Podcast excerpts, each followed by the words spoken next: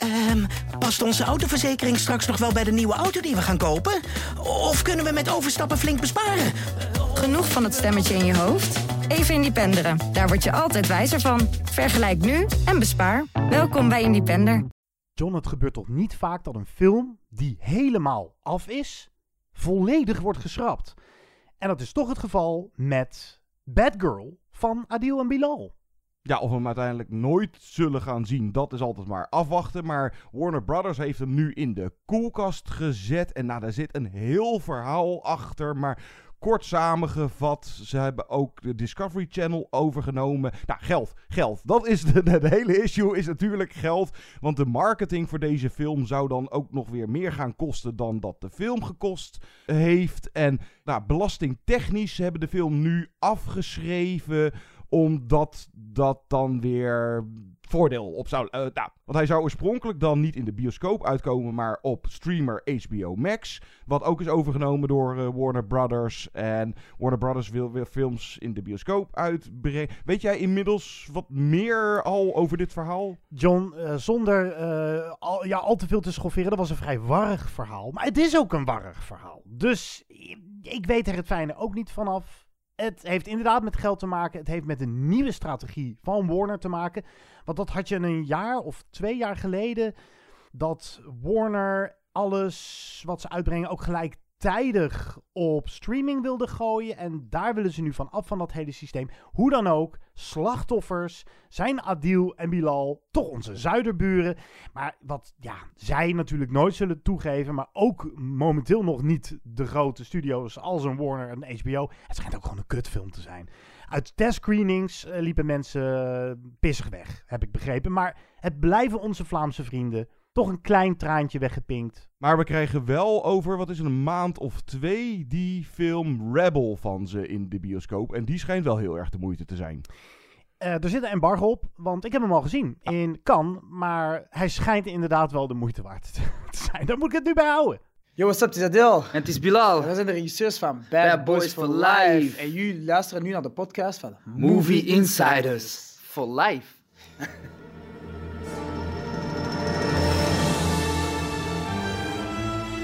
Good evening, ladies and gentlemen. We are tonight's entertainment.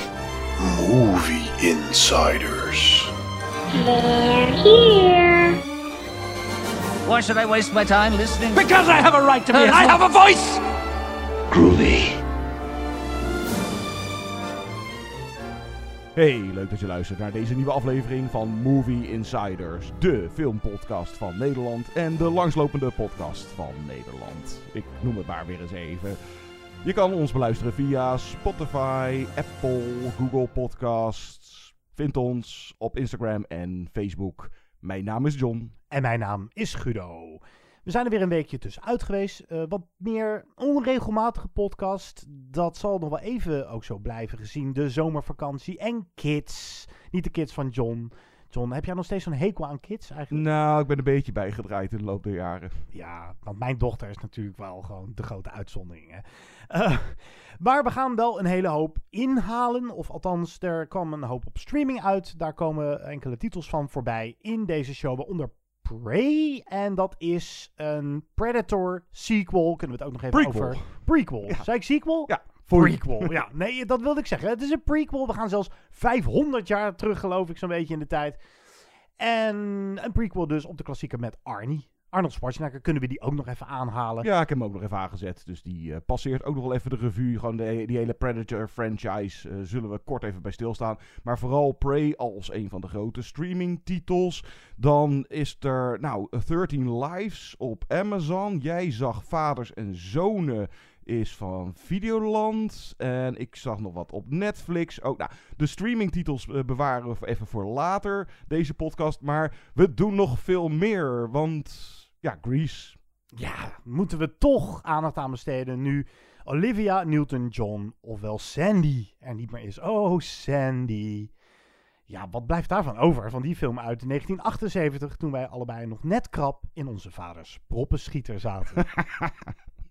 maar eerst vers, vers spul. Ja, in de bioscoop. bios. Ja. ja. Bullet Train doen we straks. En we deden, nou, het zal het een jaar of eh 7, 8 geleden of zo, eh, een keer een top 5. Iets met treinen. Nou, dan doen we nu iets met treinen retour. We kijken gewoon even wat hadden we in die top 5 staan. En zou je er misschien nog wat aan. eh, welke titel ben je schandalig vergeten of zo? Eh, dus die eh, na Bullet Train, want dat eh, matcht mooi. Maar eerst, laten we kort even. Jij hebt een nieuwe release gezien. En ik heb een, nou, nieuwe release gezien. Maar laten we eerst doen met Idris Elba versus een leeuw. Beast. multiple attacks without eating its prey. Lions don't do that. At least no lion I've ever seen. Shh. Go back to the calls. Dad, Dad, please!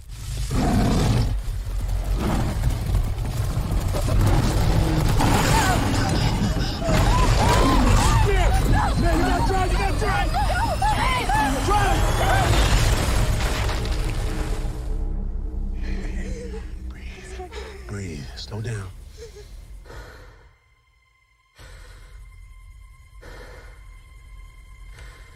We're in his territory now. Ja, hoe grappig is het dat we in het blockbuster-tijdperk leven. waarin je eerst twintig andere grote films moet hebben gezien. om het überhaupt te kunnen snappen. En dan heb ik het natuurlijk over Marvel. En daar wordt ook met multiverses gespeeld. Nou, Christopher Nolan maakt ook niet hele rechtlijnige cinema. Maar alsof het de tegenbeweging is, is hier dan Beast. Een film met Idris Elba, die met zijn twee dochters. Hij is weduwnaar met zijn dochters naar Afrika gaat. Naar de plek waar hij ooit zijn overleden vrouw heeft ontmoet. En dat doen ze ook een beetje om de, nou, de familieband weer wat hechter te maken. Want de twee dochtertjes nemen het papa kwalijk dat eh, hun moeder er niet meer is. Nou, die kans eh, wordt gegeven, wordt gegund door een leeuw. je kan zeggen wat je wil, een hele agressieve, bloeddorstige leeuw. Maar hij zorgt er wel voor dat het hechtingsproces wordt versneld. Het is een beetje een film die me ook deed denken aan Cujo. Dat is die Stephen King verfilming. Nou, een boek eh, met dezelfde titel.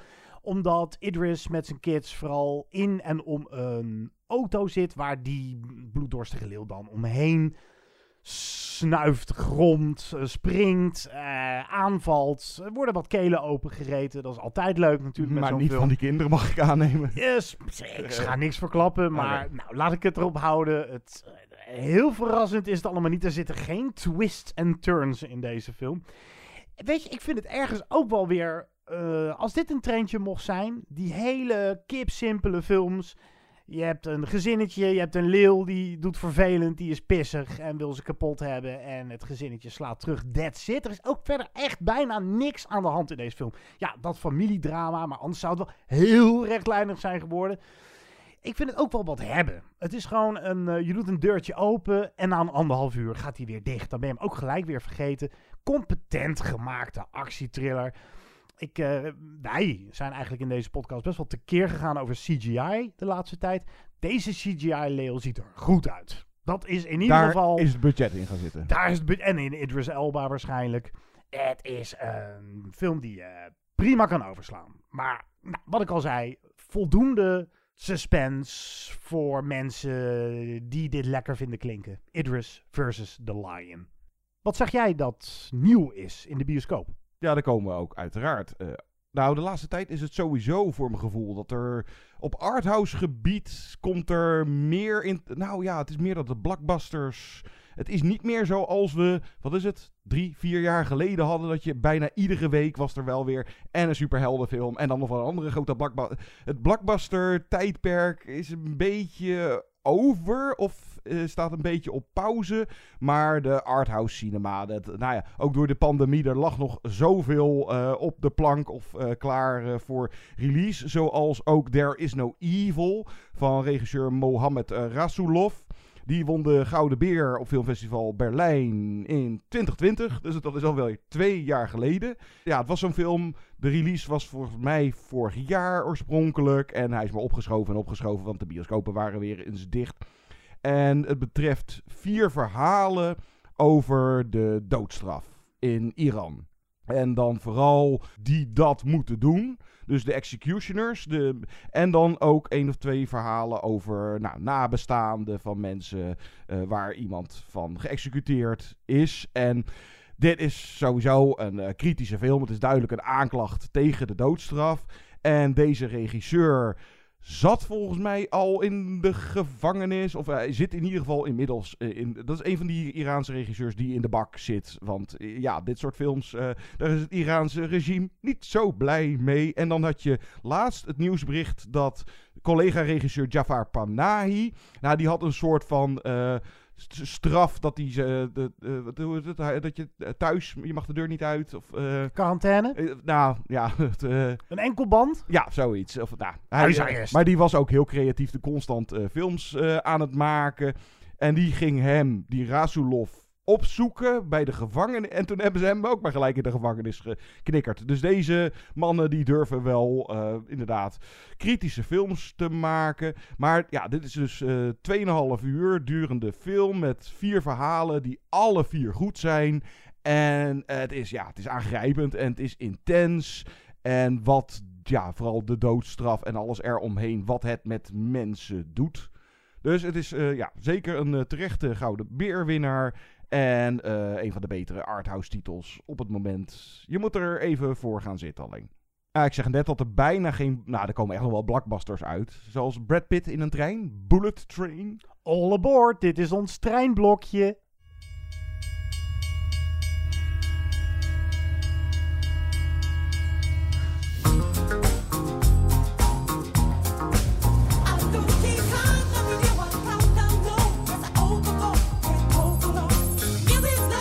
Talk to me. I am ready. You are getting the new and improved me.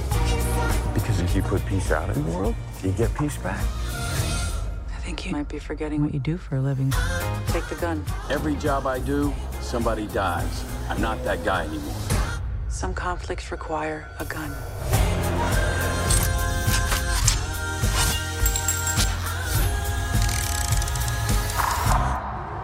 Hey, this is nice. Okay, what am I snatching and or grabbing? A briefcase. You said you wanted simple for your first job back. Doesn't get simpler.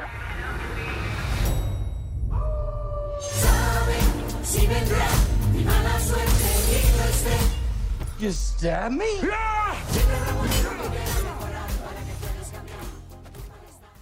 Hij was even weg, Brad Pitt. Wat is de laatste keer dat we hem zagen? Was dat Once Upon a Time in Hollywood? Ja, of datzelfde jaar Ad Astra, die uh, sci-fi met hem was ook goed. Ja, en toen is hij even in ieder geval uit beeld verdwenen. Hij is heel actief als producer van A24, is volgens mij van hem.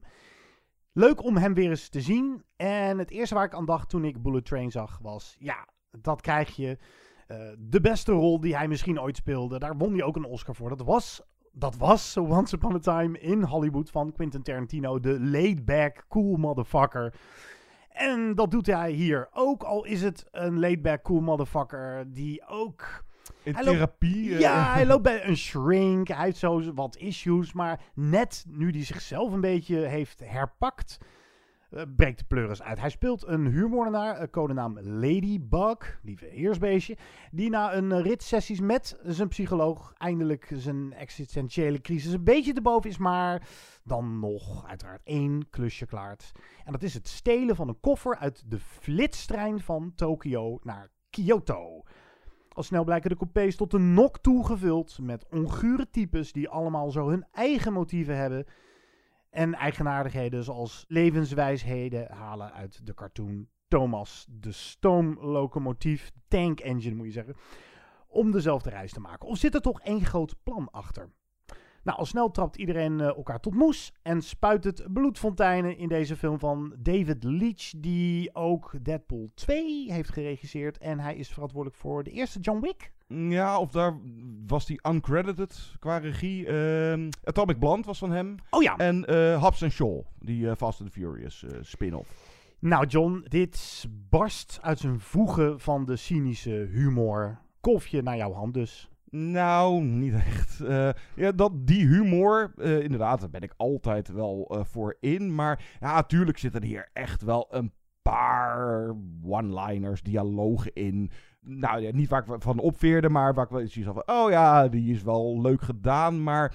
Nou ja, het is eigenlijk dat soort actie en humor zoals je vooral in Deadpool 2 uh, zag eerder van deze David Leach. En ja, hier wat ik zeg op enkele momenten na, maar ik had hier weer een beetje dat geforceerd hip of cool uh, doen gevoel bij. En dat vind ik dan even leuk, maar bij deze film, nou, ik ben niet halverwege uitgestapt, maar zeker op een gegeven moment doet hij echt twee stations te veel aan. En die finale was ik al helemaal uh, daar een beetje klaar mee. Dus het zijn ook een beetje vooral die Lemon en Tangerine, gespeeld door Aaron Taylor Johnson en Brian Tyree Henry. Ja, Lemon en Tangerine, dat, zijn, dat is een duo uh, huurmoordenaars ook. Nou, en die zijn eigenlijk gewoon weggelopen uit een Guy Ritchie film. En dat soort personages, dat soort dialogen zitten er inderdaad ook een beetje mee. Die hele Thomas de uh, Tank Engine, uh, na vijf keer kennen we dat ook wel. En, en dan is het qua plot, of ja, het plotje stelt gewoon eigenlijk geen ene drol voor. Maar het is de ene na de andere twist. En uh, na Flashback 29 uh, hebben we dat ook wel een beetje gezien. Dus het werd me op een gegeven moment allemaal een beetje te repetitief. Ja, je haalt uh, Guy Ritchie aan. Het is inderdaad een hoop hipdoenerij. Het doet mij heel erg denken aan die golf van films die toen na vooral Reservoir Dogs, Pulp Fiction en Guy Ritchie's Lock, Stock and Two Smoking Barrels een beetje die stijl probeerde te imiteren. Dus een beetje die, die B-golf aan namaak Tarantino. Zoals Things to Do in Denver When You're Dead met Andy Garcia. En wat dacht je van de Boondock Saints? Onder uh, veel filmliefhebbers op de een of andere manier nog steeds een soort van cultklassiekertje. Maar dit met dan wat... Nou ja, zoveel actie zit er eigenlijk ook niet in. Dan wat? Nou, het, het suggereert alsof er heel veel actie in zit, omdat er ontzettend veel in wordt gesneden. Dus het is al, eh, ook een editingfeestje. En wat je al zei, er wordt eh, steeds weer een snippertje informatie in een flashback uit de doeken gedaan, waardoor je iets eh, weer door een andere lens moet kijken. Het is eigenlijk grappig dan een film die zoveel twist heeft, dat je geen enkele keer opveert en denkt van, oh... Oh jee, wat, Wat, hè, wat krijgen we nou? zag ik niet aankomen. Nee, het is ook niet eens zozeer dat ik hem niet zag aankomen, als wel dat het er niet toe doet. Ik ben wel een beetje klaar met films waarin. ehm, daar staat wel wat op het spel, namelijk een hoop mensenlevens. En er gaan ook een hoop mensenlevens kapot. Maar de toon van de film is zo luchtig en cartoonesk dat het je eigenlijk echt geen donder kan schelen. En dat vind ik dan even best wel leuk. Daar wil ik best even in meegaan. Maar dan duurt hij ook nog vrij lang. Het is zo'n film die je over je heen laat spoelen. Over je heen laat denderen. Over je heen laat denderen. En nou ja, alle, alle seinen op groen. Zal ik die grap nog maken? Het kon mij net niet bekoren. Het is jammer dat we in zo'n eh, tijdperk leven waarin er heel veel moois op streaming wordt gedumpt. En dat hadden we dan eigenlijk in de bioscoop willen zien. Prey. Prey is er zeker eentje. Eh, eh, en dan, ik had het net over Beast en dan nu Bullet Train. Nou, dat zijn dan films waarvan ik denk, had die dan gelijk op streaming gedumpt? Ja, want het is nou ook niet zo dat je dit per se op een groot scherm moet zien. Want de actie die er dan in zit, ach, nou, ja, nou, de, de, de hand-to-hand combat scènes, eh, die zijn nog wel goed gemaakt. Die zijn best wel goed gemaakt. En David Leach komt ook uit de hele stunt-coördinatiehoek, geloof ik. Ja, John Wick en zo. Dus dat, dat- precies. dat- hij, heeft ook, hij is zelf stuntman geweest. eh, eh, dus dat zit wel snor. Maar ja, ik had het net over goede CGI. Hier zit dan weer een hele hoop. Slechte, zeg maar, gewoon gerust beroerde CGI in. Jeetje, wat ze met die trein doen aan het eind. maar ja, ook alle physics worden overboord eh gekieperd. Op een gegeven moment die Aaron Taylor Ja, Johnson. die, die staat buiten op de bullet. Dat kan niet hoor, dat kan echt niet. Die, die kruipt nog even op het dak. Er lijkt ook geen wind meer te staan. Hier is echt met de pet naar gegooid wat betreft vakkundigheid in special effects en zo. Ja, nee, kijk, dan moet je die absurditeit maar gewoon omarmen. Maar wat jij wel aanhaalde van, nou ja, het voelt vaak alsof, de, alsof het de actie is doordat er dan snel gesneden is. Maar wat mij dan weer opviel, er zitten ook wel weer eh, wat toonwisselingen in, doordat er dan echt even op de rem wordt getrapt. Of dat de film echt even een beetje inkakt, omdat er iets van een beetje, ja, dramatisch momentje, iets met vader, zoon, ladida en weet ik veel. eh, en dan heb ik zoiets van, ja, dat, dat, dat haalde me er dan ook weer uit. Ga dan volledig voor dat compleet over de top. En dat de bielen. En verder de acteurs die Joey King eh, en Brad Pitt is, is leuk. Is wel oké. hoewel ik wel denk van, ja, past deze rol bij hem? Ja, maar hij moet dit inderdaad dan niet nu tot vervelens toe gaan uh, blijven doen. En dan hebben we heel kort even Channing Tatum en uiteindelijk Sandra Bullock. Die hebben cameo's hierin. Maar dat komt omdat, die heb ik dus nog niet gezien, omdat Brad Pitt heel even kwam opdagen in hun Lost City. Dus zij zijn Juist. weer even hier uh, dan. En ja, eh, wat ik al zei, dit, uh, op een gegeven moment, it runs out of steam. Hebben ze allemaal gehad? Ja, hebben ze al de toet toet, kdenk kdenk, dat weet ik veel. Uh, nee, nou ja, ja, een redelijke rit, maar nee, ik, uh, ik was al, ik, ja, halverwege uitgestapt. En uitgecheckt? I know who killed the kid. I couldn't give a rat's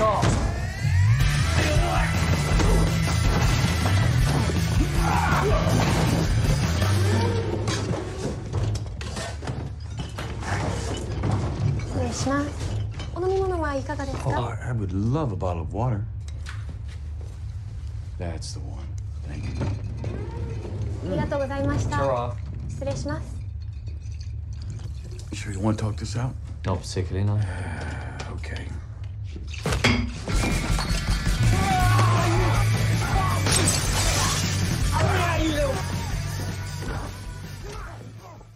De top 5. Iets met treinen noemden wij hem toen. Dat was uh, podcast aflevering 170. In welk jaar moet dat geweest zijn? 2016 dacht ik of zoiets. Wat was toen de aanleiding voor die Train lijst? to Busan. Oh ja, de Train to Busan, die Ja. Koreaanse zombiefilm. En toen deden we ook de klassieker eh, Closely Watched Trains. Die uh, Tsjechoslowaakse jaren 60 titel van Jiri Menzel. Uh, ja, de top 5. Uh, iets met treinen, retour. We kijken gewoon even wat hadden we daarin staan. En we roepen nog een zootje andere titels uh, om en om. Ik had op 5 die achterlijke finale van The Lone Ranger. Die film uit 2013 met... Komt die weer terug, Army Hammer? Waar we toen zoiets bij hadden van... Dat was denk ik ook een beetje zijn eerste echt grote blockbuster hoofdrol. Ik geloof het wel. We kenden hem vooral van de Social Network en dan natuurlijk Call Me By Your Name kwam later. Ja. Ja, die kannibaal is dat toch? Ja, of toch niet. Of toch niet? Ja, ja, ja doodzonde dat hij toen eigenlijk gecanceld werd. Want dat was echt een acteur waar ik veel meer van... Hij zit ook in die Man From Uncle. Die is ook leuk. Oh ja, ja. Maar ja, uh, met uh, Johnny Depp dan uh, als Tonto. En deze zou ik sowieso nu ook wel in de top 5 houden. Want die finale van de Lone Ranger met die twee treinen. Dat is achterlijk van de regisseur van Pirates of the Caribbean. Dus nou, denk even aan een goede actiescène uit een van de Pirates films. Nou, dat dan in western setting met treinen. Je moet er alleen heel lang op wachten. Dus ga naar YouTube en voer daar het fight, train fight in met de Lone Ranger. En dan heb je die William Tell overturen. Uh, maar dan op zijn Hans Zimmers. Ja. dat is ook wel, ja, maar dat is echt een verbluffend gemaakte actiescène. Met ook heel veel practical effects. Gore Verbinski, ja, die weet hoe die een spektakeltje in elkaar kan draaien. Ik had op 5 Indiana Jones en The Last Crusade. Uh, en dan die openingsscène. Geweldige vondst dat voordat je naar het nieuwe Indie-avontuur gaat. Dat was toen de derde met Sean Connery als uh, Indy's vader. Dat je dan even een proloog krijgt met de jonge Indy als tiener. Toen gespeeld door River Phoenix, te jong gestorven. En dat hij uh, moet opnemen of op de vlucht is voor een paar bad guys op een rijdende circustrein. Of althans, uh, er worden circusdingen op vervoerd. En dan komt hij ook in een, bij, nou, bij leeuwen. En, en slangen. Een paar ja, slangen. Daar komt de angst vandaan. Daar komt de slangenfobie uh, vandaan. Mag ik die uh, gewoon een keer omruilen, gewoon voor de lol? Ook omdat het zo perfect uh, past bij waar we het net over hadden. Ant-Man van Marvel. Ja, met Thomas de Tank Engine. Heeft ja. Thomas de Tank Engine in dat slotgevecht. En dat is toch een inventief slotgevecht. Het is toch wel een van de leukere actiescènes uit de Marvel uh, film. Allemaal in miniatuurvorm natuurlijk. Uh, dus nou, laat ik die dan voor de grap even omwisselen. Heb ik die ook genoemd. Ant-Man, uh, het eindgevecht op nummer 5. Wat had jij op 4? Ik had op 4 de Poolse klassieker Night Train. Ik weet even de Poolse titel niet uit mijn hoofd. Maar uit uh, 59. En ja, dat is gewoon een goede klassieker in een trein. Ik, ik, ja, zou ik die er nu dan in houden? Weet ik niet. Uh, ik, ik beslis zo wel even of ik er iets uit knikker. Maar klassieker, eind jaren 50. Volledig in een trein met allemaal personages en intriges en dingen. En nou, Een, een. Zeker. Ja. Nou, op vier had ik dan een Runaway Train. Ah, Eh, dat vond ik een ondergewaardeerde film, dus dat, eh, die verdiende een beetje een spotlight eh, van een Russische regisseur. Konchalovsky. Konchalovsky van Tango en Cash, daar wees je mij toen op. En dat is een film uit 1985 met John Voight en Eric Roberts van die acteurs die toch ook wel heel veel B-films of B-rollen hebben gespeeld. En Eric Roberts, die hier een Oscar-nominatie voor, kreeg, volgens mij eh, Voight ook. Terecht. Hij is heel goed in deze eh, film waarin hij samen met Voight dan een ontsnapte gevangene speelt. Eh, is in Alaska. En dat bizarre einde. En dat wist jij mij toen te vertellen dat het gebaseerd is op een script van Kurosawa. Akira Kurosawa, de grote Japanse eh, eh, cineast. Die ooit op de planning had staan om zelf te willen regisseren, maar dat kwam er nooit van. Dus het is eigenlijk een onvoltooid Kurosawa-werk.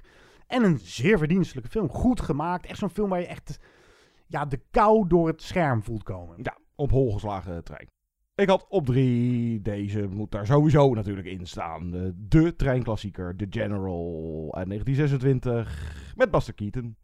Ja, als je die nog nooit, als je nog nooit wat van Buster Keaton hebt gezien, eh, zet eens wat aan. Maar dit is dan toch wel zijn meest bekende. Nou ja, die eh, Sherlock Jr. is ook heerlijk en die duurt echt maar drie kwartier. Deze duurt wel om en nabij de anderhalf uur. Maar de Cameraman of Steamboat Bilget, nou, echt de oude, klassieke eh, slapstick films uit het eh, stomme tijdperk, toch? Dus de jaren 20, toen er nog geen geluid was. En ja, dit is met zo'n oude stoomlocomotief. Eh, de trein heet ook de General en het speelt dan ten tijde van de burgeroorlog in Amerika. En zijn liefje of ze, nou, zijn trein wordt gejat of zijn liefje wordt ge, en dat hele bekende... Zijn liefje wordt gejat. ja, dat eh, hele bekende shot erin dat die trein door die eh, brandende brug heen zakt. En dat was, geloof ik, ook de duurste stunt uit het stomme tijdperk.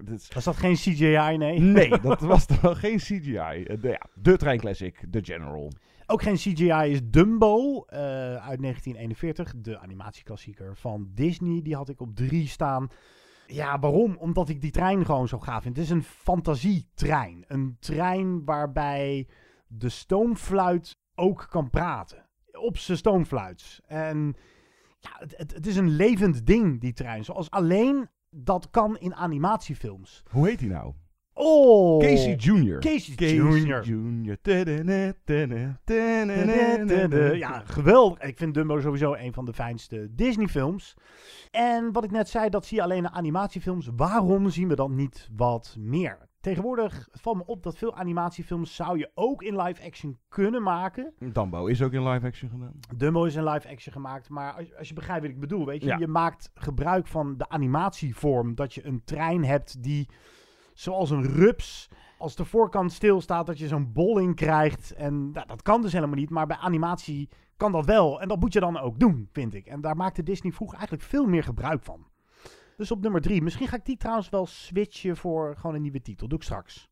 Voor mijn nummer 2 had ik wat zwaardere kost. Want ja, treinen, WO2, Holocaust. Daar, ja, die link leg je toch eh, vrij snel. Eh, ik ging uiteindelijk voor een. Oh ja, die Duitse titel Der Letzte Zug uit 2006. Ja, Joden in een trein. En die film speelt zich, geloof ik, nou zo goed als volledig in zo'n treincompartiment. Waar ja, op een gegeven moment dus meer lijken liggen dan dat er nog mensen leven. En die vreselijke omstandigheden die de Joden al... Nou ja, uiteindelijk kwamen ze in de kampen, maar de meesten die overleefden die treinrit al niet eens. Dus nou, The General was mijn nummer twee. Nou, daar heb je alles al over gezegd. Oké, en dan had ik op één de hele wereld in een trein. Dit zou nog steeds ook mijn nummer één zijn. Snowpiercer van Bong Ja. Joon-ho. Nou, het- ik vind het een gave film, maar ik vind het ook weer niet Bong Joon-ho's... be- Het is geen volmaakte film. Nee, nee, het is niet zijn beste. Maar het is wel... Ik heb hem inmiddels geloof ik een keer of drie gezien. Het is wel een strakke film hoor. Eh, dus eh, heb jij die serie daar inmiddels? Nee, eh, nee, nee, daar nee, nee. hoor ik ook wel aardige dingen over. Even kijken. Jouw nummer één. Ja, die zou ik nu dan inderdaad er ook waarschijnlijk wel in zetten. Ja. Spirited Away. Ja, we zijn iets met treinen, dus het zijn niet films die zich hoofdzakelijk in, op of onder een trein afspelen. Maar het mogen ook scènes of sequenties zijn. En die sequentie in Spirited Away met die Spirit Train. Gewoon die hele mystieke kwaliteit van die scène met die dromerige muziek van Joe Hisaishi. Dat is. Je kan als je daarnaar kijkt alleen maar in vervoering worden gebracht. Echt goede cinema kun je bijna niet onder woorden brengen wat je zojuist gezien hebt. En dat heb ik met die sequentie. Dus die zou je er nu ook in stoppen. Ja, die zou ik er wel in gooien. En nou, de, ja, de meeste zou ik wel een beetje. eh, misschien met wat, eh, wat verplaatsingen, een ander compartimentje of zoiets. Ik zat al van de laatste jaren. Nou ja, het, dus, zeg maar sinds we deze top 5 hebben gedaan. De beste die met de binnenschoot is Paddington 2. Oh, ja, goeie. Was ik nog niet opgekomen. Welke ik genoemd wil hebben, daar zou ik dan Dumbo misschien voor, of, of Runaway Train ervoor uitflikkeren, is... Heb jij hem inmiddels gezien, die Finse film Hiti nummer 6? Nee, nog niet. Die is van dit jaar. Die kwam vrij Ja. recent uit. Ja, ik heb hem twee jaar geleden gezien. Dus eh, ik moet... eh, eh, Ja, vorig jaar, Ja, denk vorig jaar moet Ja. ik zeggen. Het is voor mijn gevoel wel twee jaar geleden. Maar dat is zo'n kantitel geweest waar ik volledig onvoorbereid heen ging. Het gaat over een Finse chick die op een gegeven moment de trein pakt van Moskou naar Moermans, Moermansk, moet ik zeggen.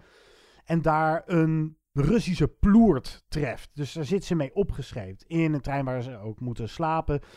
En gaandeweg, nou ja, vinden ze toch een soort. Er, is een connectie.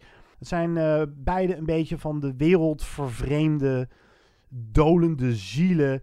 En de ontmoeting die ze confronteert met hun verlangen naar menselijk contact. Een mooie film. En vooral wilde ik hem in de lijst hebben staan omdat. Ik vind het altijd heel knap. Ik ben altijd gefascineerd, zoals je weet, door hoe films het verstrijken van tijd aanpakken. Hier, na deze film van 2 uur en 20 minuten of zoiets, heb je echt het gevoel dat je een gigantisch lange reis in een trein hebt gezeten. Dat vind ik toch heel Ja. knap. Terwijl ik ook tijdens de film dacht van, jeetje, er gebeurt al heel weinig. Maar als je er dan uitloopt en je wordt de volgende dag wakker, dan denk je van, wauw, ik heb toch een hele reis gemaakt met die film. En dat is toch ook heel knap. De eerste bewegende beelden van de Lumière-broers. Dat was een eh, Zeker. trein die een stationnetje binnenreed. Murder on the Orient Express. eh, heel veel Hitchcock-films zitten wel scènes. Strangers in, on a eh, Train. Ja, nou, en sowieso heb je, dat is ook zo'n... eh, die moeten we nog steeds een keer doen. Ik, ik weet niet of die er dit jaar nog van komt. eh, maar hij staat nog in de planning. Top 5 filmclichés. Dat is ook zo'n prachtig filmcliché. Achter de trein aanrennen en dan, dan of net missen of nog net wel halen. Dat zo, ook zo'n uitgestrekt armpje. En dan, ja, toch wel net op het laatste moment de trein in. Maar Harry Potter. ehm Some Like It Hot heeft een hele leuke scène in de trein. Bridge on the Eh, River Kwai. ja, Wat dacht je daarvan? To the Future Part 3, de finale. Oh ja, drie is dat. Ja, eh, Bond, eh nou, From Russia With Love. Maar ook crashes met treinen, Fugitive, Super 8. En deze willen we maar het liefst vergeten. Maar het is wel leuk om hier even een klein stukje muziek van te draaien. Eh, want dan hoor je ook een beetje Tom Hanks soort van zingen. En eh, de Polar Express, die eh, mislukte animatie van, wat is dat, Robert Zemeckis. En de score is wel gaaf van Alan Silvestri. Even een klein stukje muziek voordat we doorgaan naar Predator, Prey, Grease. Wow, we hebben nog veel op staan. Blijf luisteren.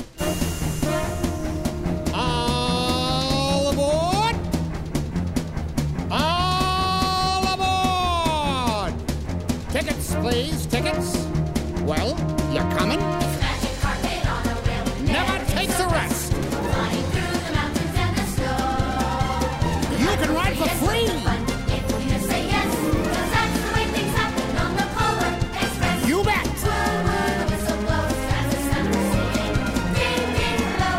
Golly, look at go!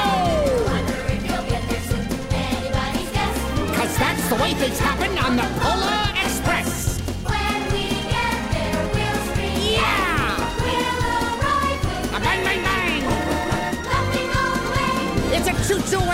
with view that rivals all the best, but you won't ever see it advertised. It's a simple fact, we stay on track, though sometimes we digress, but that can only happen on the Polar Express. That's the sound of her breathing. And lots to eat.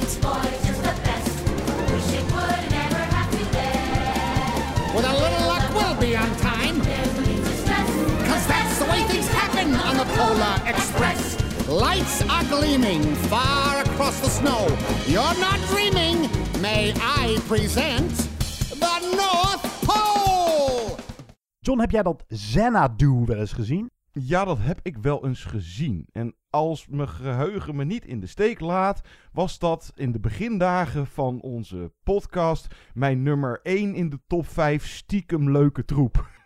Maar ja, Guilty pleasure dus. Olivia Newton-John. En ik had het er met een vriendin ook van me over. En ik zat al van, ja, het is een bekende naam. Maar kan jij op Grease en Xanadu na nog andere films noemen? Ze heeft niet zoveel geacteerd. Ze was vooral een bekende zangeres. Zangeres, ja, exact. Eh, Maar- Physical, physical. Ja, oh, dat is ook van haar de- natuurlijk. Ja, dat is ook van haar. Dus, eh, Maar wat wel weer duidelijk werd na eh, het nieuws van haar dood, is dat je de populariteit van Grease niet moet onderschatten. Mijn hemel, het ontplofte op social media. Ik geloof dat de Eiffeltoren Parijs andere kleurtjes kreeg.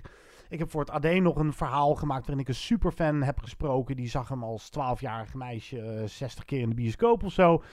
Grease is een gigafenomeen en is nog steeds ja, heel belangrijk voor heel veel mensen. Maar ja, de vraag is, is dat terecht? Vinden wij dat terecht? We spoelden hem terug uit 1978. Daar is hij hoor, Grease. Well, here we are this is Rondell. Hey, so uh, what'd you do all summer, Danny? Huh? What did you do this summer, Sandy? Oh, I spent most of it at the beach. Oh, I just love the first day of school, don't you? Come on, you don't want to hear all the horny details. Are you kidding me? I know you. Sandy!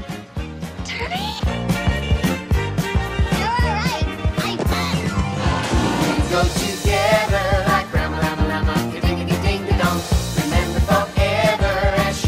you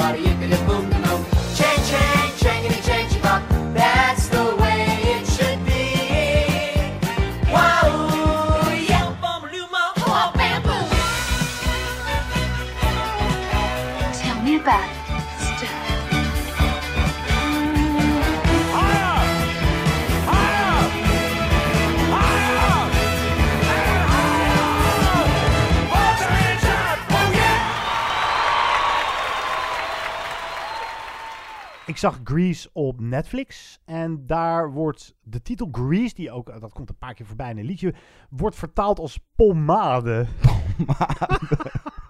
dat woord gebruikt toch echt niemand meer. Doe dan haarvet of zo. Maar goed. Ja, wax of zo. Het, eh, Grease uit 1978. Ja, de, een van de titels van de babyboomers generatie. Ja, mijn ou, jouw ouders. Ik, ik weet, nou, ja, die, Die zijn... waren er niet weg van hoor, geloof ik. Nee, nou, die waren denk ik ook al net iets te oud. Maar ja, als je bent geboren in zeg de jaren 60, dan was het tijdens je tienertijd was Grease natuurlijk een van de titels.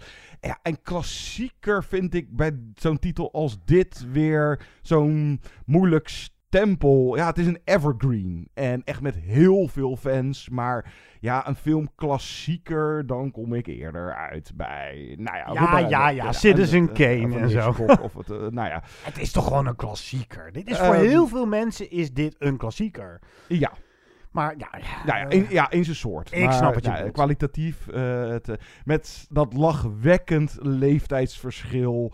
Eh, hoewel ik dat, ik heb hem ook wel even aangezet eh, vooruit. Het is wel consequent. Ze zijn allemaal te oud. Eh, maar ik geloof Stocker Channing, die speelt dan Rizzo. Die was 34. En nou, de meeste zijn allemaal zo om en nabij de 30. Olivia Newton-John was nu 73 geworden. En zij was nou, acht- Eind 20. eind 20 toen ze dus eh, Sandy eh, speelde. Nou, ze waren gewoon allemaal. En dat moeten dan eh, high school tieners van. Wat is het? Een jaartje 17, 18. eh, verder het plotje. Nou, Danny gespeeld door John Travolta. Sandy, Olivia Newton-John. Ze hebben elkaar leren kennen tijdens de zomervakantie. En dan, oh jee, zij komt ook naar zijn school. En dan, nou, het, het is eigenlijk de, de film lang wel bij elkaar, weer niet bij elkaar. Want dan is ze weer even boos op hem omdat hij het stom zei. En dan komen ze weer wel bij elkaar. En er zitten dan wat scènes in. Nou ja, eigenlijk een nogal suffe drag race. Met twee auto's die dan tegen elkaar racen. En nou, dat kan je duidelijk zien. Dat is niet door een actieregisseur eh, geschoten. En een vrij lange sequentie met die danscompetitie. Nou ja, op een gegeven moment dat dansen is dan nog wel aardig. Maar het, uh, het fijne vond ik vooral van uh, Grease, hoewel ik er echt geen fan van ben hoor, maar dat hij zichzelf gelukkig niet serieus neemt, de film. Zeker. En uh, ik verlang ook wel een beetje terug naar een tijd waarin er volgens mij ook veel meer ruimte was voor spontane gebeurtenissen die ook op de lens werden gevangen en Ja, worden dat- meegenomen. Ja, want Gekke bekken trekken, Ja. eh, figuranten die volgens mij niet helemaal doen wat de bedoeling is. En dat het zorgt voor een heel bru- het is een hele bruisende film. Ja, op, op, eh, de meeste momenten, ja. Nee, wat jij zegt, want eh, zeker een keer of twee, drie, bijvoorbeeld John Travolta, dat ik het idee had van, nou, alsof ze hun tekst vergeten zijn of zo, of er volgt geen, geen, geen zin die ze uitspreken, maar alsof er ja, ook misschien ruimte was voor wat improvisatie op de set. Van, nou ja, doe, doe me inderdaad maar een beetje raar. Ja, wat mij vooral opviel deze keer, John, is. Dit is vooral een film die niet zozeer gaat over kalverliefde of over, nou ja, gewoon l'amour. Dit is een film over hitsigheid. Ik zie namelijk nog steeds geen reden waarom Sandy en Danny elkaar leuk vinden. Er wordt nooit eigenlijk bij stilgestaan wat ze leuk vinden aan elkaar. Of heb ik dat over het hoofd gezien? Tell me more. Ze vinden elkaar gewoon leuk. Nou, ze vinden Ja, elkaar gewoon ja. lekker. Ja, dat is het. dat is- ja. Het- het- ik heb er nog eens goed naar gekeken, nog goed naar geluisterd. Maar het enige waar die jongens over zingen en over praten, dat is over neuken, grote tieten, of iemand al lekker gevuld is, gleufgluren, aftrekken.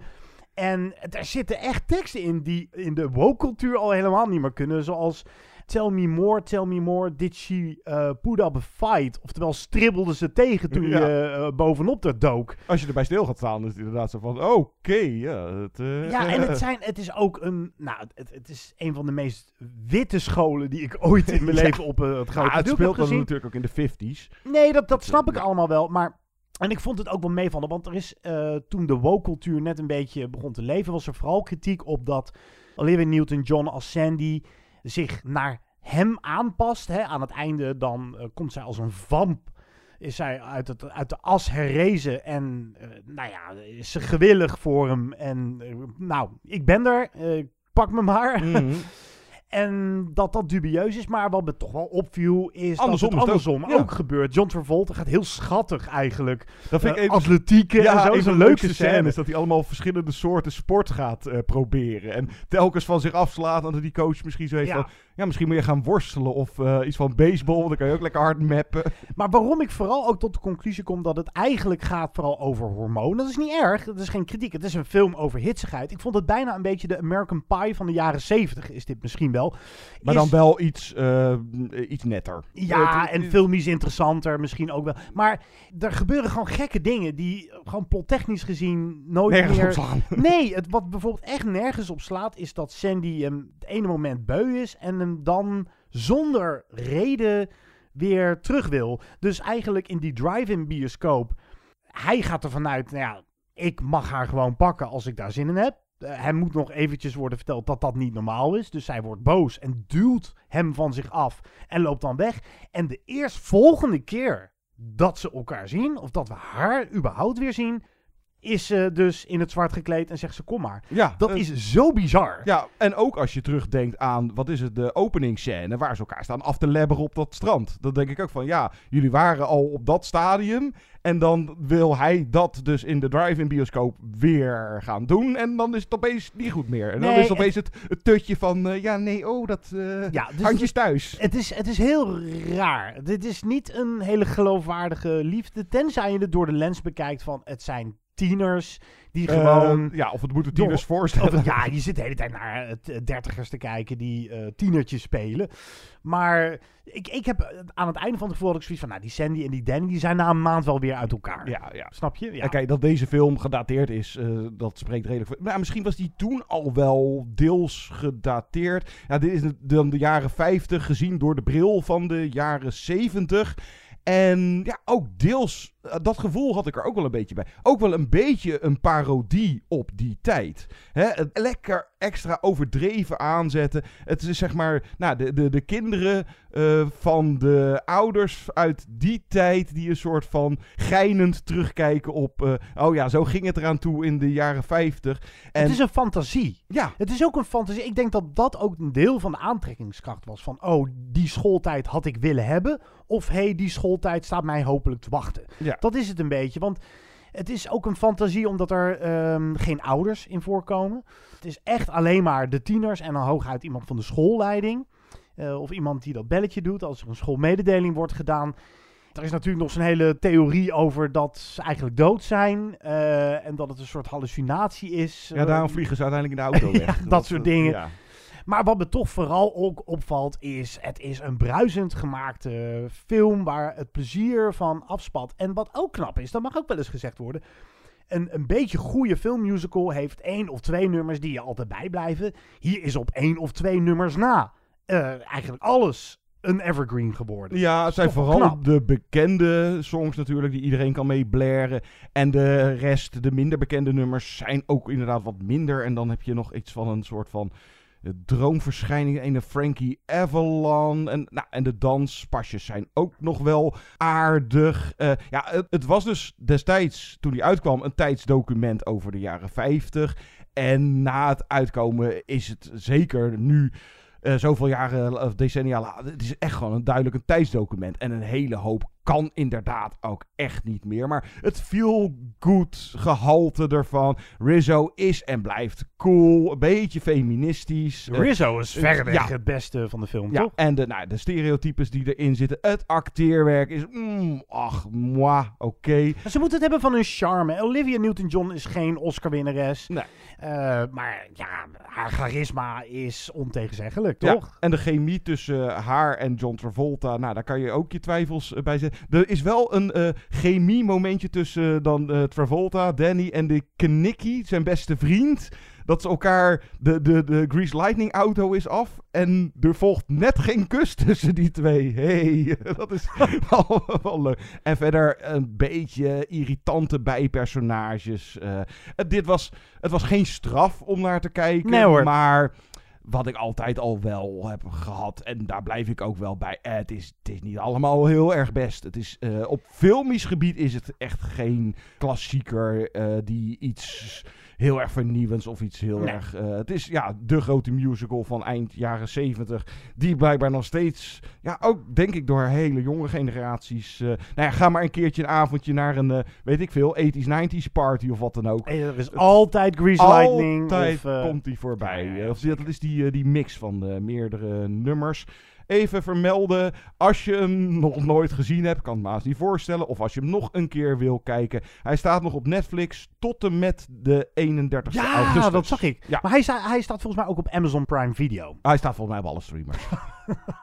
Weet je wat het bij mij gewoon is? Eh, ehm, ik wil uh, Don't Wanna Stamp All Over Your Parade. Of niet Your Parade, maar die van de luisteraar die misschien heel veel nostalgische gevoelens heeft bij Grease. Ik heb gewoon die boot gemist. Ik heb gewoon de Ja, Grease boot gemist. Wij waren hem niet eens geboren. dus- Nee, maar ook niet daarna. Het is, het is niet... Want ik werkte in de videotheek heel lang. En het was...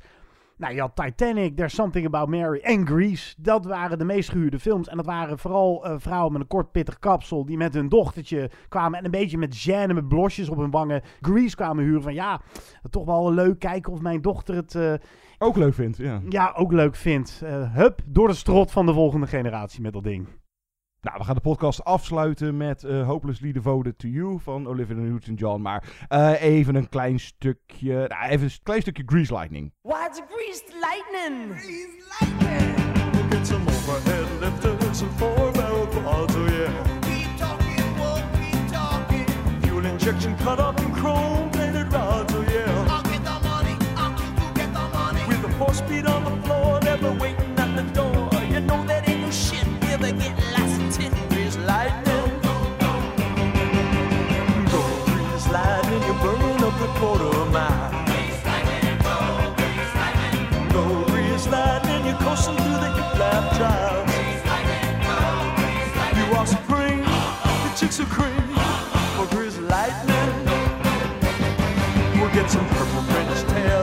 30 inch lens, oh yeah.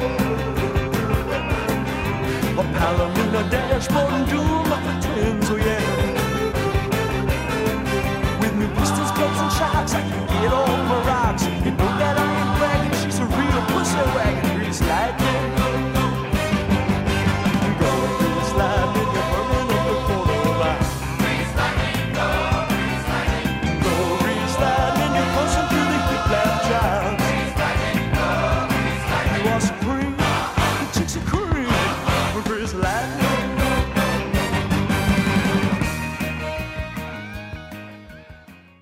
tijd voor de resterende titels. Wauw, het zijn er nogal wat. Eh, de streaming-titels. Een hoop kwam eruit. En ook weer een hoop waar ik op gewezen moest worden. Waaronder, waar zullen we mee beginnen? Een film die we allebei zagen? Prey, Disney+. Plus. There's something out there. I'm coming with you. You can't. I'm trying to protect you. Protect me from what?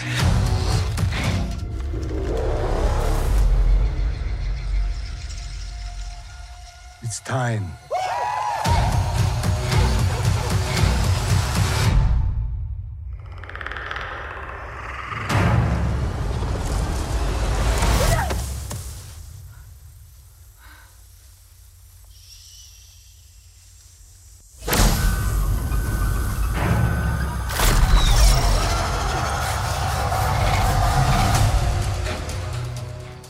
Prey. Een prequel op van, hoe zeg je dat? Nou, laten we daar eens even beginnen. Predator uit 1987. Ik zag hem vrij snel. Ik denk dat ik om en nabij de tien was toen ik de oorspronkelijke Predator Ah. zag. Dus dan als kind... Dan was hij nog stout. Ja, als kind of als tiener was het, dat was toen echt kicken en, en spannend. En ik eh, heb eh, Predator ook nog even een keertje weer aangezet. Ik denk dat ik hem nu zeker voor de vierde keer zag. En dat is ook eh, wel echt een tijdsdocument. Dat is echt zo'n jaren tachtig eh, spierballen, zo'n testosteron eh, titel. En ook... eh, Maar wel één waarin je nog zulke spierballen kan hebben. Dit, eh, dit groepje spierbundels werd door die Predator gereduceerd door een bang, zielig hoopje mensen. Ja, nou ja, ze schieten wel aardig eh, van zich af. Dat is het verschil ten opzichte van, nou, dan komen we zo Prey. Maar, nou ja, maar ook met eh, de originele Predator, esthetisch, het is ook duidelijk een jaren tachtig film. En ook de score van, notabene Ellen Silvestri, waar we net al wat van... Maar ja, dat allemaal. En het plotje stelt gewoon vrij weinig voor. Dat, dat was altijd al zo. Het is opgejaagd worden, Prey. En dan uiteindelijk weet Arnie aan het einde de, de, de rollen een soort van eh, om te draaien. Eh, ook een redelijke aanleiding. eh, Arnold Schwarzenegger werd laatst 75. En dit is dan ook die film waarin die quote van hem zit. Get to the chopper! To the to chopper! get to the chopper! Get out of here! Ja, ook weer zo'n geval van ja, klassieker. Nou ja, inderdaad, uit die tijd. En nou, wat hier, dat is ook nog echt zo'n eh, jaren tachtig ding. Je hebt op een gegeven moment die Predator-modus. Dat je het zicht van de Predator.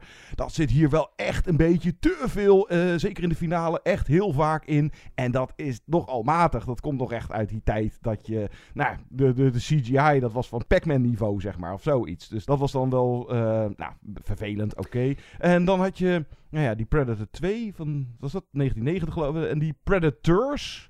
eh, Die heb ik nooit gezien. Dat is die met Adrian Brody. Ja. Mm, Dat was, eh, en dan had je die Alien versus Predator. Die heb ik helaas wel gezien. Ja, eh, nou, er zijn er volgens mij ook twee van. Ik heb daar in ieder geval één van gezien. En dan de vorige was The Predator van regisseur Shane Black. Die heb ik niet gezien, want dat moet helemaal shit zijn. Maar hoe grappig is dat? Want dan moet je wel voor een andere titel gaan nu. Want Ja. je, kan, je bent de tel kwijtgeraakt, omdat er heel veel eh, Predator-films kwamen zonder een getal erachter. The Predator, Predators, eh, eh, Prey, Ja. maar, Prey. Nou, wat ik me kan herinneren van die eerste Predator is dat ik hem loei, loei spannend vond. En geweldig en stoer. Dat was een film waar je het met je vriendjes op de basisschool over had. Van, dat moet je zien! En het is gewoon een ontzettend strak gemaakte film. Nog steeds wel. En wat heel goed is, en dat is dan ook wel de esthetiek van de jaren tachtig. Je voelt echt, je ruikt het zweet, zeg Ja. maar. Eh, daar in de jungle, eh, de angstzweet. Wat vond je van Prey? Want Prey heeft als gimmick dat we teruggaan in de tijd. eh, Naar, wat is het? Ja, ik heb het staan. eh, 1719. Dus, ergens eh, in drie- Noord-Amerika of zo? Ja, de, dik drie eeuwen terug, eh, Noord-Amerika en de Comanche-stam. dus de Native Americans. En zij heet Naru, gespeeld door Amber Mid-Thunder.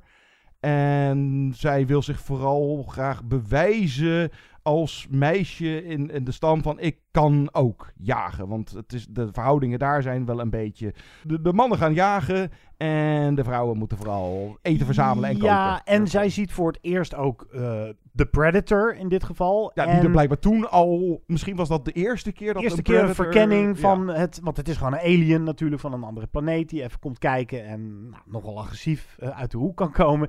En eigenlijk is iedereen om haar heen de burgemeester van Jaws. Oftewel van... eh, het is onzin wat je zegt. Dat is gewoon een leeuw geweest. En zij zegt: Ja, nee, maar het is echt. eh, het, is, het is een Er is- alien. er is iets. Er is iets. En eh, nou, daar moeten ze allemaal flink van terugkomen. Dit is ook zo'n soort film waar zij is eh, best wel grote delen van de film alleen.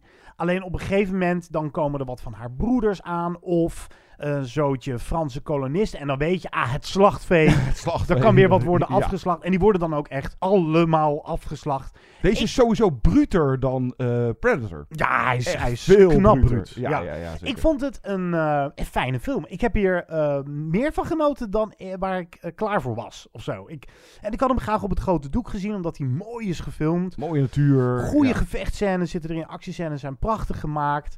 En het is zo lekker primitief en rauw. En het heeft verder niks om het lijf. Er zit geen subplot in. Of de Franse kolonisten à la The Revenant. En wie is hier de echte Predator? Ja, dus dat, zit nog- dat, dat kun je er wel Ja, uithalen. Als je er zin in hebt. In over nou ja, jagen, jagers en nou, prooi. Of dat vooral zij ook door de Predator niet als bedreiging wordt gezien. En daar verkijkt hij zich wat op. En, nou, zij is gewoon ook een, een coole chick. En dat vond ik wel, eh, dat zag je voor, voor mijn gevoel voor het eerst in een Predator film. Dat zo'n Predator ook echt selectief. Dus je hebt een haas, die wordt opgejaagd door een wolf. En dan is die haas voor hem niet interessant. Dan gaat hij die wolf dus afslachten. En dan neemt hij het uiteindelijk op tegen een eh, grote grizzlybeer.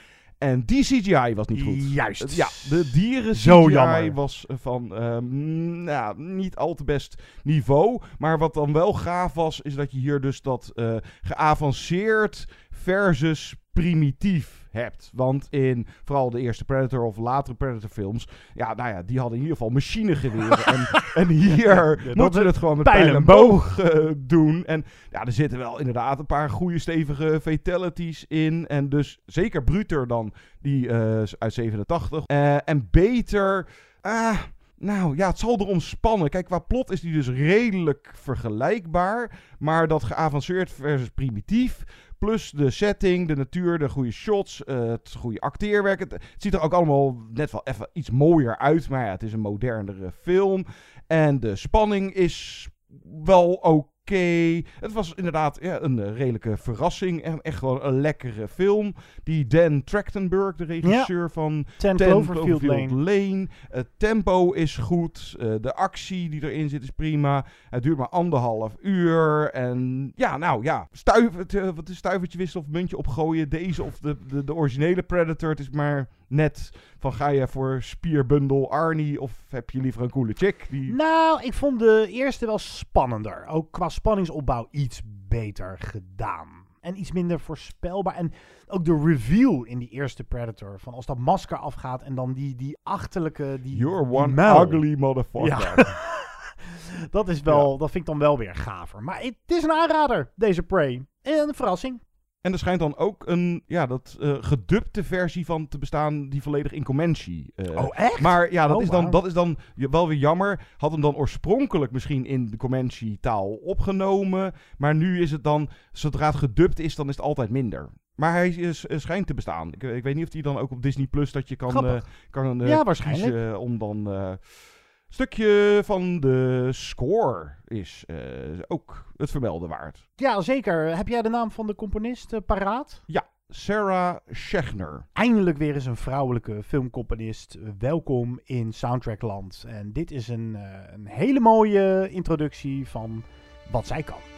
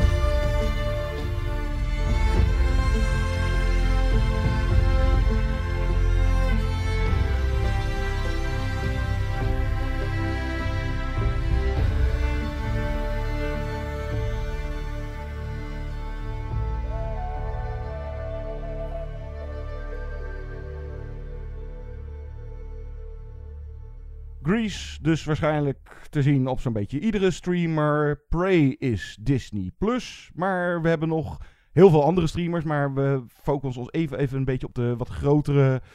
Iets op Videoland. eh. Dat- Ja. Oh, dan is het Nederlandsdalig. Maar Vaders en Zonen is dus zeer de moeite waard. En dit was eigenlijk net als Prey zo'n verrassing. Ik dacht ook, oh god, Videoland. En dat is van RTL. Dus we krijgen een soort eh, GTST. Daar hebben we weer Vetja van de Wet. Ja, hij is een van de beste acteurs die we hebben. Maar alweer. Maar hij speelt hier een soort heikneuter. hij, hij is bijna onherkenbaar. Echt zo'n boerensukkel speelt hij. Samen met zijn broer.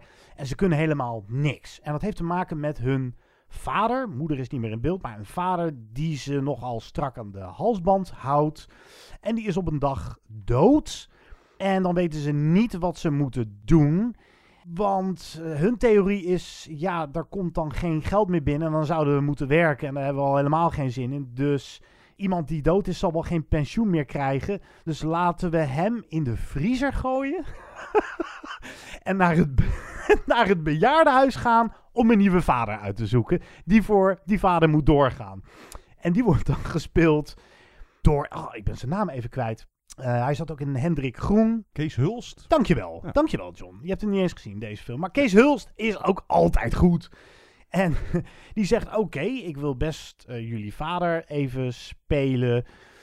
Maar dan moeten jullie me beloven dat jullie nog een keer met mij naar het gemeentemuseum in Den Haag gaan. Want ik wil de Victory Boogie Woogie een keer in het echt hebben gezien. De hele gimmick van deze film is eigenlijk... eh, die gasten weten helemaal niks. En hadden een vader die het altijd had over oh, die verdomde socialisten. En Kees Huls speelt natuurlijk een uber-linkse, artistiek verantwoorde, welbespraakte man.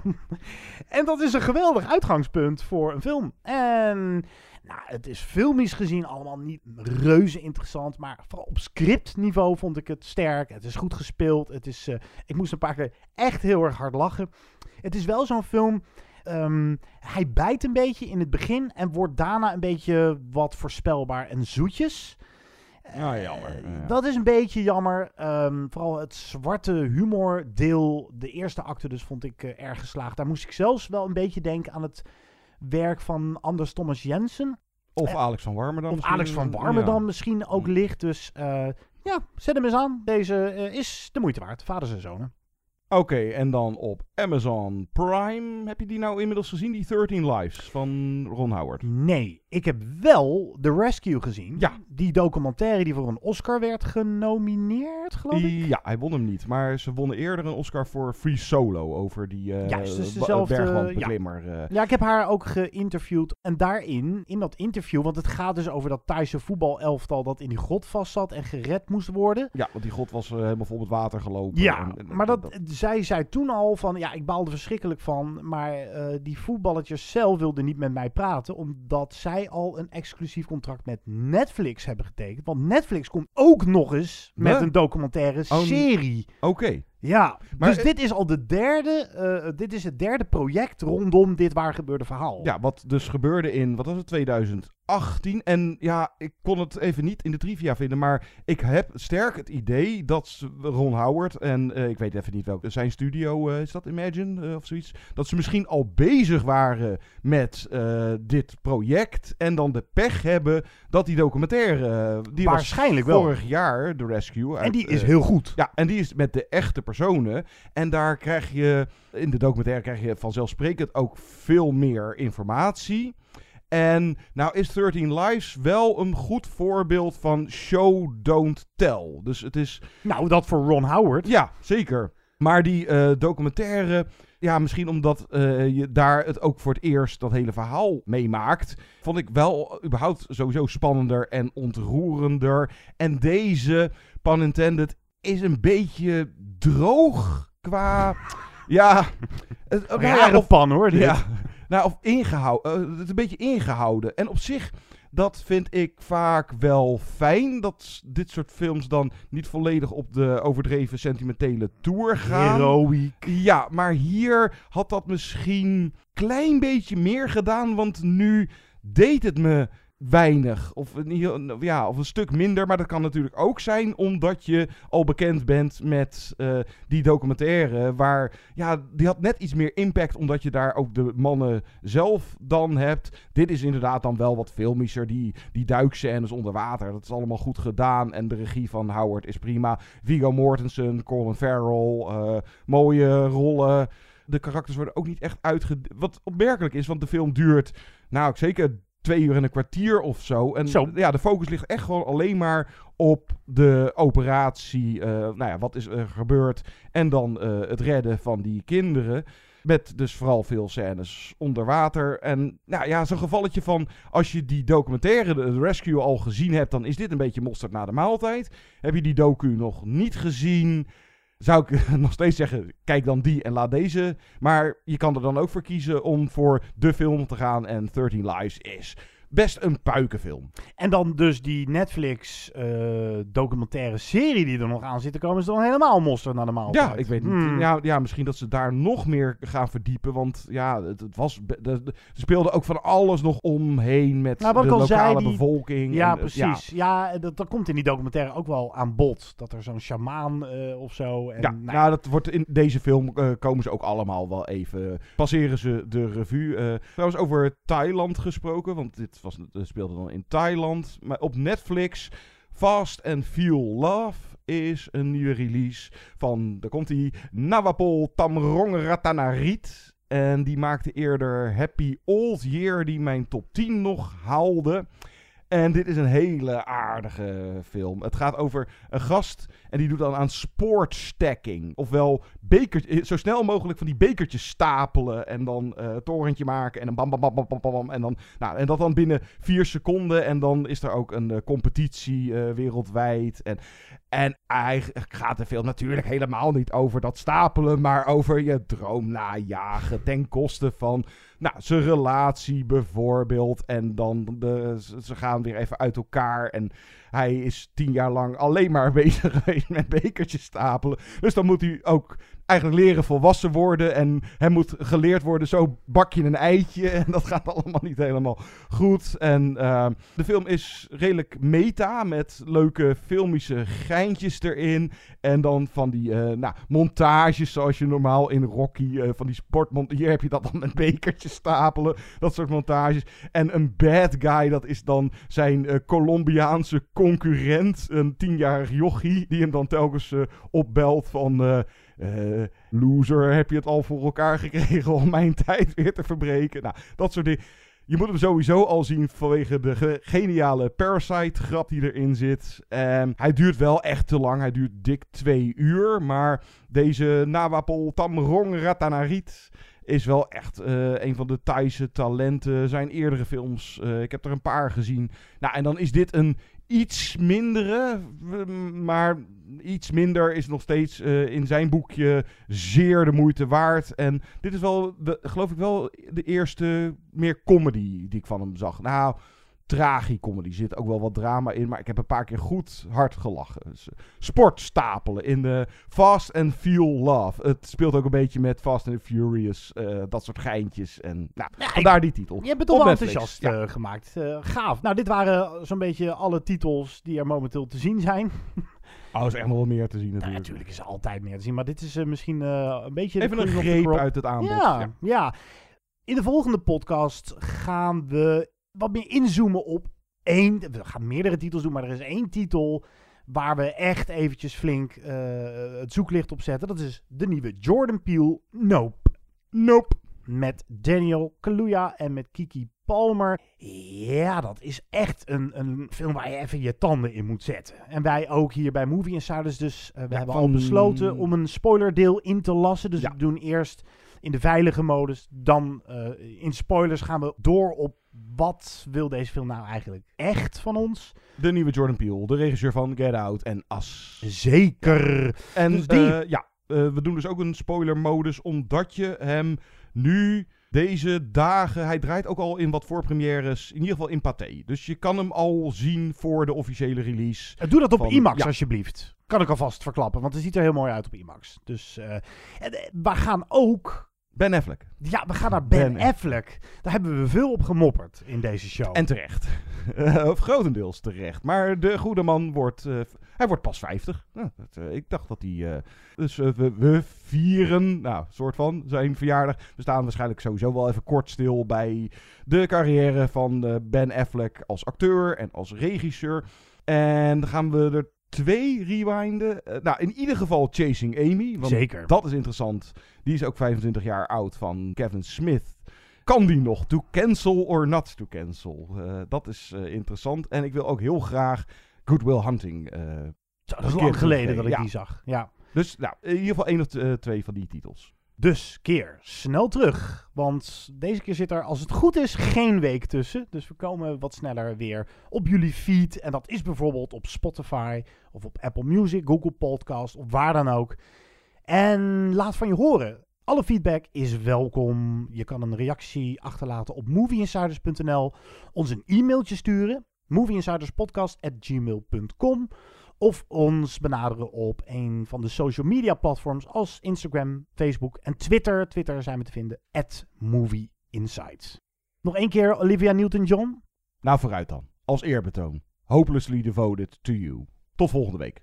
Ciao.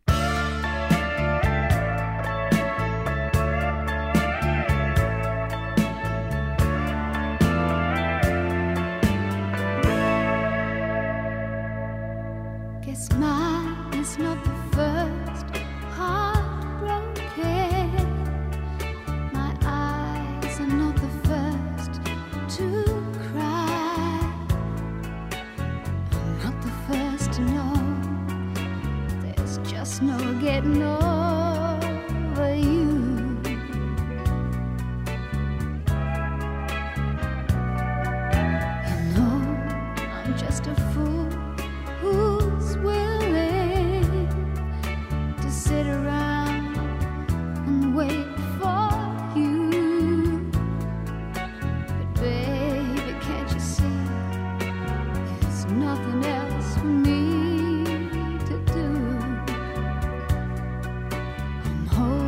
hopelessly